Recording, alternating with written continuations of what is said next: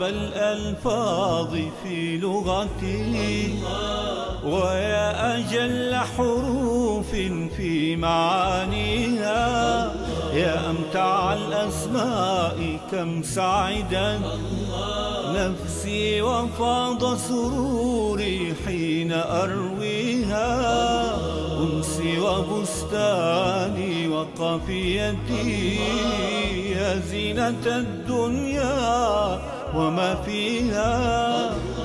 يرتاح قلبي حين يسمعها وحين أبصرها نقشا وأمليها.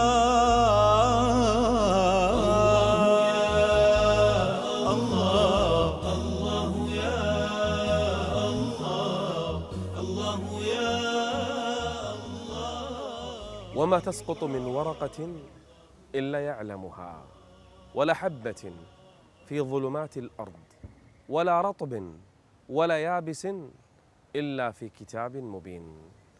إنه الخبير جل وعلا يعلم ظواهر الأمور وبواطنها سرها علانيتها الذي أحاط بكل شيء علما. إنه الخبير وكفى.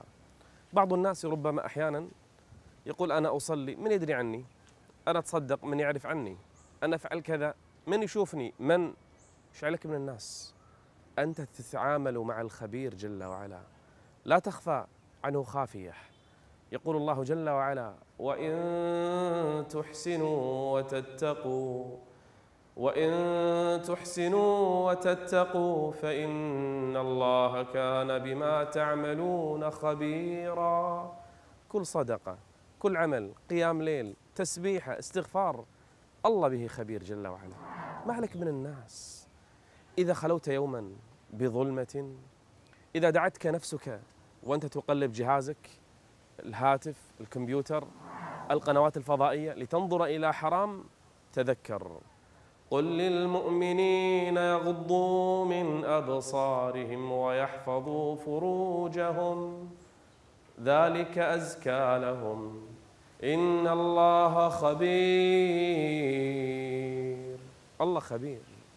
إن الله خبير بما يصنعون. تتعامل مع الخبير وتبي تطفي الليت وتبي تسكر الباب وتفعل المنكر ما يصير. هذا الخبير جل وعلا. وكفى بربك بذنوب عباده خبيرا بصيرا. تبي ترفع صوتك تبي تنزل صوتك تبي تتكلم بالعلن ولا بالسر ترى نفس الشيء عند الخبير. وأسروا قولكم أو اجهروا به. إنه عليم بذات الصدور ألا يعلم من خلق؟ وهو اللطيف الخبير. الخبير جل وعلا. تبي تنخش عنه؟ تبي تسكر الباب؟ تبي تطفي الليل؟ تبي تسافر؟ تبي تروح مكان ما حد يعرفك فيه؟ ألا يعلم من خلق؟ وهو اللطيف الخبير. هذه الأمم التي أهلكها الله عز وجل. قد البعض يسأل ليش الله أهلك هذه وأهلك هذه؟ الله. خبير بعباده. وكم أهلكنا من القرون من بعد نوح؟ وكفى بربك بذنوب عباده خبيرا بصيرا. الله خبير جل وعلا. افعل ما تفعل. افعل ما تشاء. اصنع ما تشاء. آمن أو لا تؤمن. اعمل صالحات أو سيئات. فإن يوم القيامة الكل سيعرض على الله عز وجل.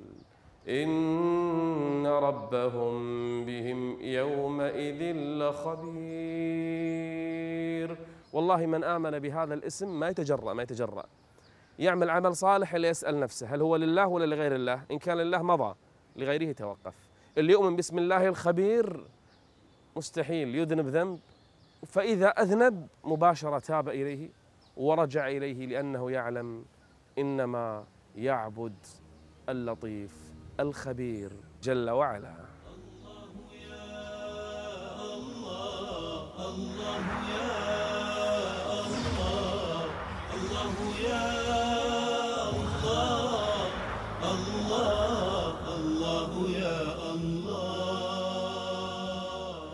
معاذ بن جبل رضي الله عنه صحابي جليل. عند وفاته قال أخنق خنقك فوالله إني أحبك.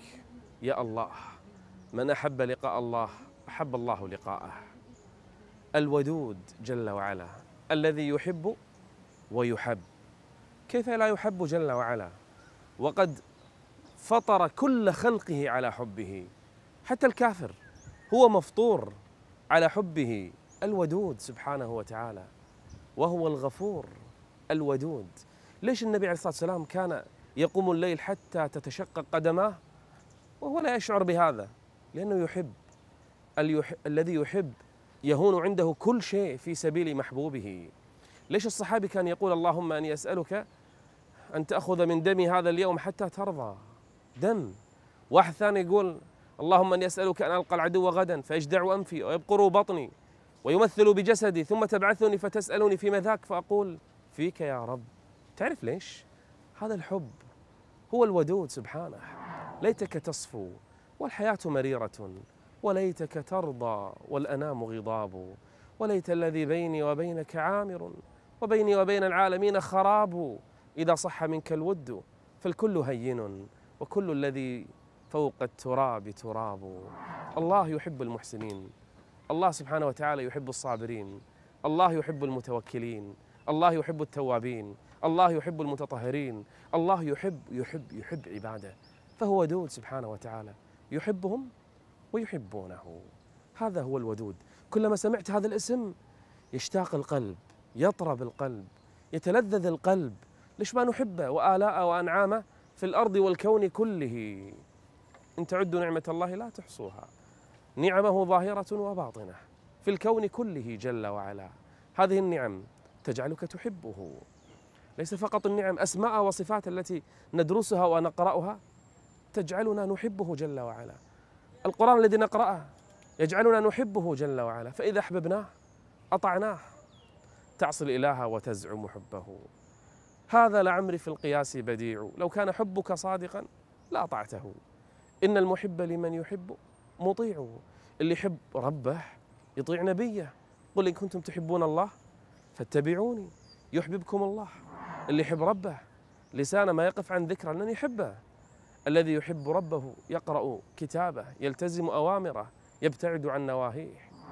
ليست العبرة أنك تحب الله عز وجل لكن العبرة هل يحبك الله؟ هذا هو السؤال الودود الذي يتودد إلى خلقه. هل أحبك؟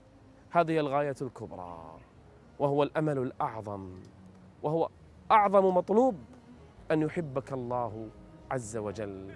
فإذا أحبك الله تبارك وتعالى هان كل شيء في الأرض كلها. الله يا الله الله يا الله الله يا الله الله يا الله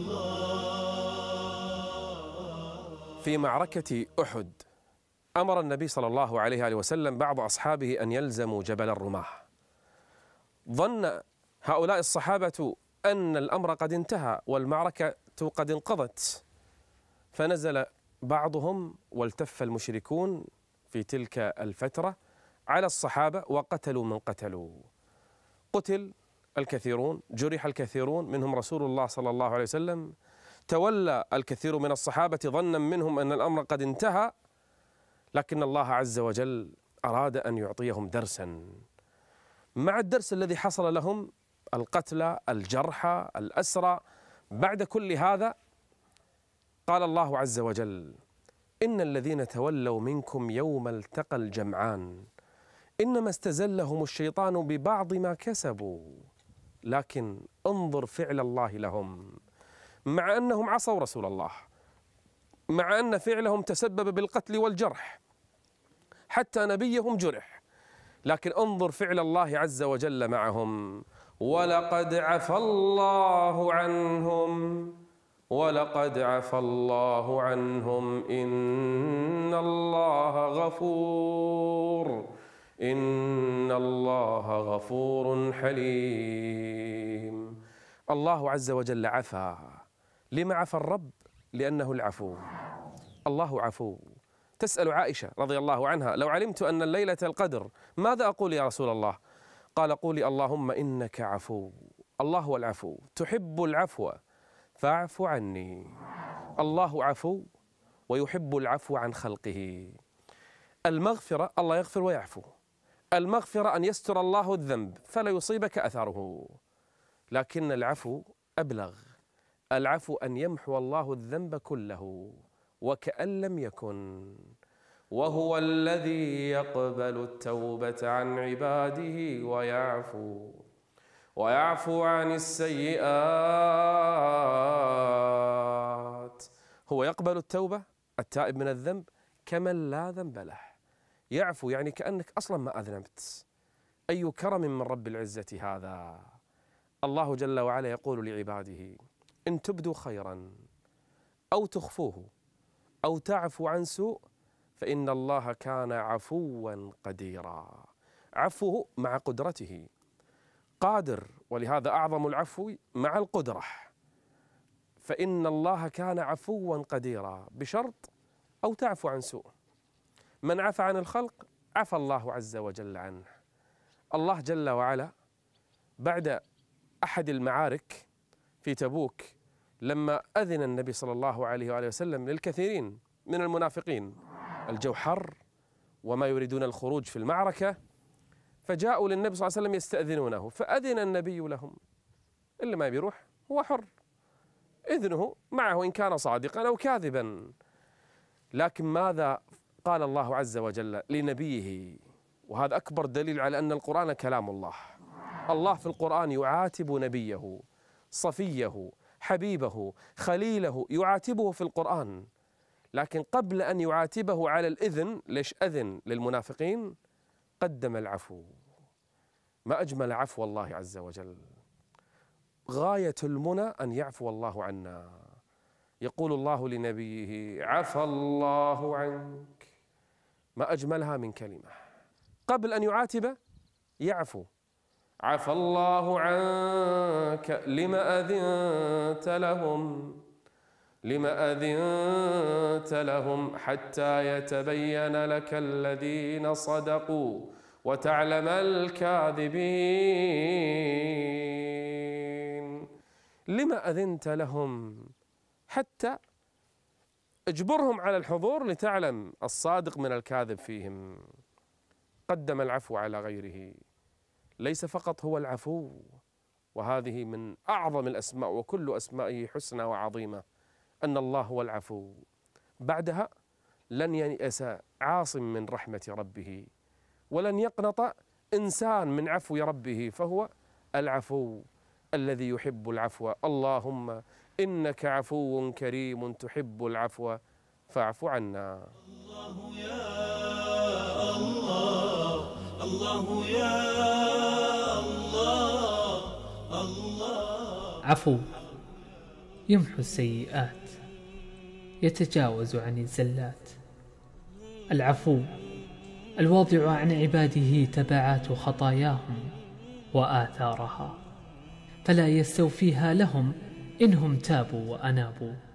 إن تركوا لوجهه أعظم ما فعلوا كفر عنهم ما فعلوا بما تركوا. رب عفو غفور كريم يحب العفو عن عباده ويحب منهم أن يعفو عن عباده. ألا تحبون أن يغفر الله لكم؟ إن عفوت أنت عن عباده ألزم الله العفو نفسه التعويض. فمن عفا وأصلح فأجره على الله. بل سيحبك ويعلي منزلتك في المتقين. وأن تعفو أقرب للتقوى. تريد العزة تهوى منازل الرفعة جرب العفو ثم ارتع في منازل المتقين. يا ابن آدم إن بينك وبين الله خطايا وذنوب لا يعلمها إلا هو وإنك تحب أن يغفرها لك. فاغفر أنت لعباده وإن أحببت أن يعفوها عنك فاعفو أنت عن عباده فإن الجزاء من جنس العمل. تعفو هنا يعفو هناك. تنتقم هنا ينتقم هناك. تطالب بالحق هنا يطالب بالحق هناك. إنه استثمار حقيقي لحقوقنا هناك. في يوم الحشر الأكبر تتجلى وقتها حاجتنا لعفو الله ومغفرته. فكن عفوا أنت حتى يعفو عنك. إنه الله العفو. أبواب عفوه وغفرانه مفتوحة. ربنا من علينا بعفوك. وأكرمنا بغفرانك وتب علينا إنك أنت التواب الرحيم. واعف عنا يا عفو.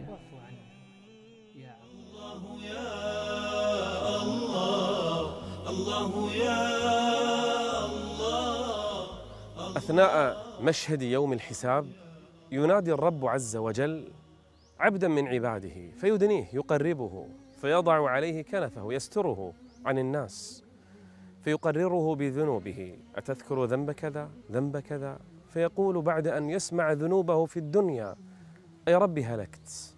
فيقول الله عز وجل سترتها عليك في الدنيا وأنا أغفرها لك اليوم وأنا أغفرها لك اليوم. إن الله عفو يحب العفو. ليس فقط عفو بل ويحب العفو أيضا. أحيانا يعفو الإنسان عن غير رضاه. لكن الله عز وجل يعفو وهو يحب أن يعفو عن عباده. إن تبدوا خيرا أو تخفوه أو تعفو عن سوء فإن الله كان عفوا قديرا. شوف ربط العفو مع القدرة. ليش؟ لأن بعض الناس قد يعفو لأنه ضعيف لأنه ما يقدر يأخذ حقه يقول أسامح. لكن رب العالمين يعفو وهو قادر. وهنا أعظم العفو. أن تعفو وأنت قادر على أخذ حقك. رجل جاء للنبي عليه الصلاة والسلام يقول يا رسول الله أتيت امرأة في حائط فعلت معها كل شيء إلا الزنا ارتكب ذنوب مع امرأة. قال صليت معنا العصر. الرجل ندمان. صليت معنا العصر؟ قال نعم. قال اذهب فإن الحسنات يذهبن السيئات. وأقم الصلاة طرفي النهار وزلفا من الليل. إن الحسنات يذهبن السيئات. ذلك ذكرى للذاكرين. من أراد عفو الله فليعفو عن الناس. شلون؟ الجزاء من جنس العمل. هل جزاء الإحسان إلى الإحسان؟ اعفو عن الناس يعفو الله عز وجل عنك. هذه قاعدة. إذا أردت العفو من العفو اعفو عن الخلق. أبو بكر لما تكلم الناس في ابنته في عرض عائشة وبرأها الله كان من الذين تكلموا رجل من أقربائه ينفق عليه اسمه مسطح ابن أثاثة. فلما انتهت الأزمة وبرأ الله عائشة قال أبو بكر لن أنفق عليه بعد اليوم خلاص ما أسامح على اللي سواه. فأنزل الله عز وجل فليعفوا وليصفحوا. ألا تحبون أن يغفر الله لكم؟ من عفى عن أخيه عفى الله عز وجل عنه. هكذا فعل النبي في فتح مكة. هكذا فعل يوسف مع إخوانه. هكذا المؤمن يأتي يوم القيامة. فيريد أن يقتص من أخيه فيريه الله عز وجل قصورا في الجنان وأنهارا يظنها للأنبياء والشهداء. فيقول الله هذا لمن عفى عن أخيه. فيعفو عن أخيه ويأخذ بيده إلى الجنة. من أراد العفو فليعفو عن الناس. اللهم إنك عفو تحب العفو فاعف عنا. الله يا الله الله يا الله الله يا الله الله الله يا الله لما تحولت القبلة في الإسلام من بيت المقدس كان في بادئ الأمر إلى الكعبة. في هذه الفترة توفي بعض أصحاب النبي صلى الله عليه وآله وسلم وما أدركوا تحويل القبلة إلى الكعبة. أصحابهم حزنوا عليهم. ما مصيرهم؟ ما أدركوا الصلاة إلى الكعبة. صلاتهم كلها كانت إلى غير الكعبة. هل ستقبل صلاتهم أو لن تقبل؟ فأنزل الله عز وجل مباشرة حتى يطمئنهم. ورحمة بهم أخبرهم عن مصير صلاتهم. وما كان الله ليضيع إيمانكم يعني صلاتكم. وما كان الله ليضيع إيمانكم إن الله بالناس. ماذا؟ إن الله بالناس لرؤوف. إن الله بالناس لرؤوف رحيم. أخبرني ما الذي تشعر به عندما علمت أو تعلم أن الله عز وجل رؤوف؟ تعرف ما معنى الرأفة؟ أعلى معنى من معاني الرحمة. إحنا فرحانين جدا وسعيدين بدرجة لا توصف أن الله عز وجل رحيم لكنه ليس فقط رحيم بل هو رؤوف.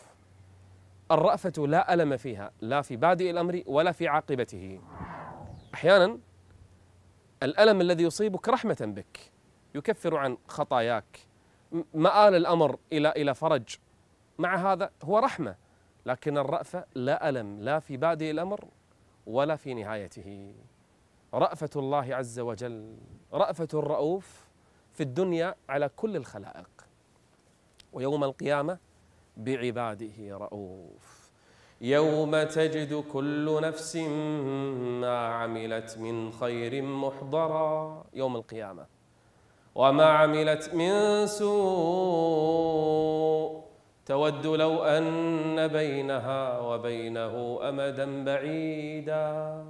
يوم القيامة اللي يشوف سيئة يتمنى أن بينه وبينها بعد المشرقين. ذنب عمله. أي معصية ارتكبها عقوق والدين ترك صلاة أي شيء فعله. يتمنى أن بينه وبينه أمد بعيد ويحذركم الله نفسه. شوف تكملة الآية. ذاك يوم عظيم. الله يحذر البشر. ويحذركم الله نفسه. والله رؤوف. يا الله. المؤمن يخاف لكن مباشرة يطمئن. ليش؟ لأن الله هو الرؤوف. والله رؤوف بالعباد. مظاهر رأفته في الخلق في الدنيا لا تحصى ويوم القيامة على عباده وعلى المؤمنين أيضا لا تحصى. الصحابة في غزوة تبوك بعضهم من شدة الحر كاد أن يتراجع بعضهم كاد أن يفتن. يعني ساعة العسرة ما كان شيء سهل حر. حر شديد وجوع وعطش الناس كادت أن تهلك. لكن ماذا قال الله؟ لقد تاب الله على النبي والمهاجرين والأنصار الذين اتبعوه في ساعة العسرة. من بعد ما كاد يزيغ قلوب فريق منهم ثم تاب عليهم. تدري ليش؟ إنه بهم رؤوف. ثبتهم فما زاغت القلوب. وتاب عليهم وكتب لهم الأجر مع أن ما صارت معركة بعدين. كتب لهم الأجر كاملا. ثم تاب عليهم. إنه بهم رؤوف. الرؤوف جل جلاله. إنه بهم رؤوف رحيم. من عرف هذا الاسم مستحيل أن يتكاسل في عبادته ويسرع في التوبة إليه ويستغيث به.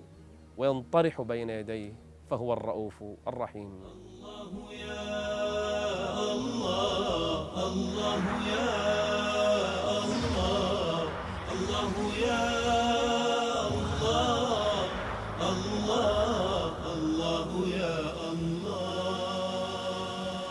كم من العبادات تدرج الرب عز وجل بها مع عباده؟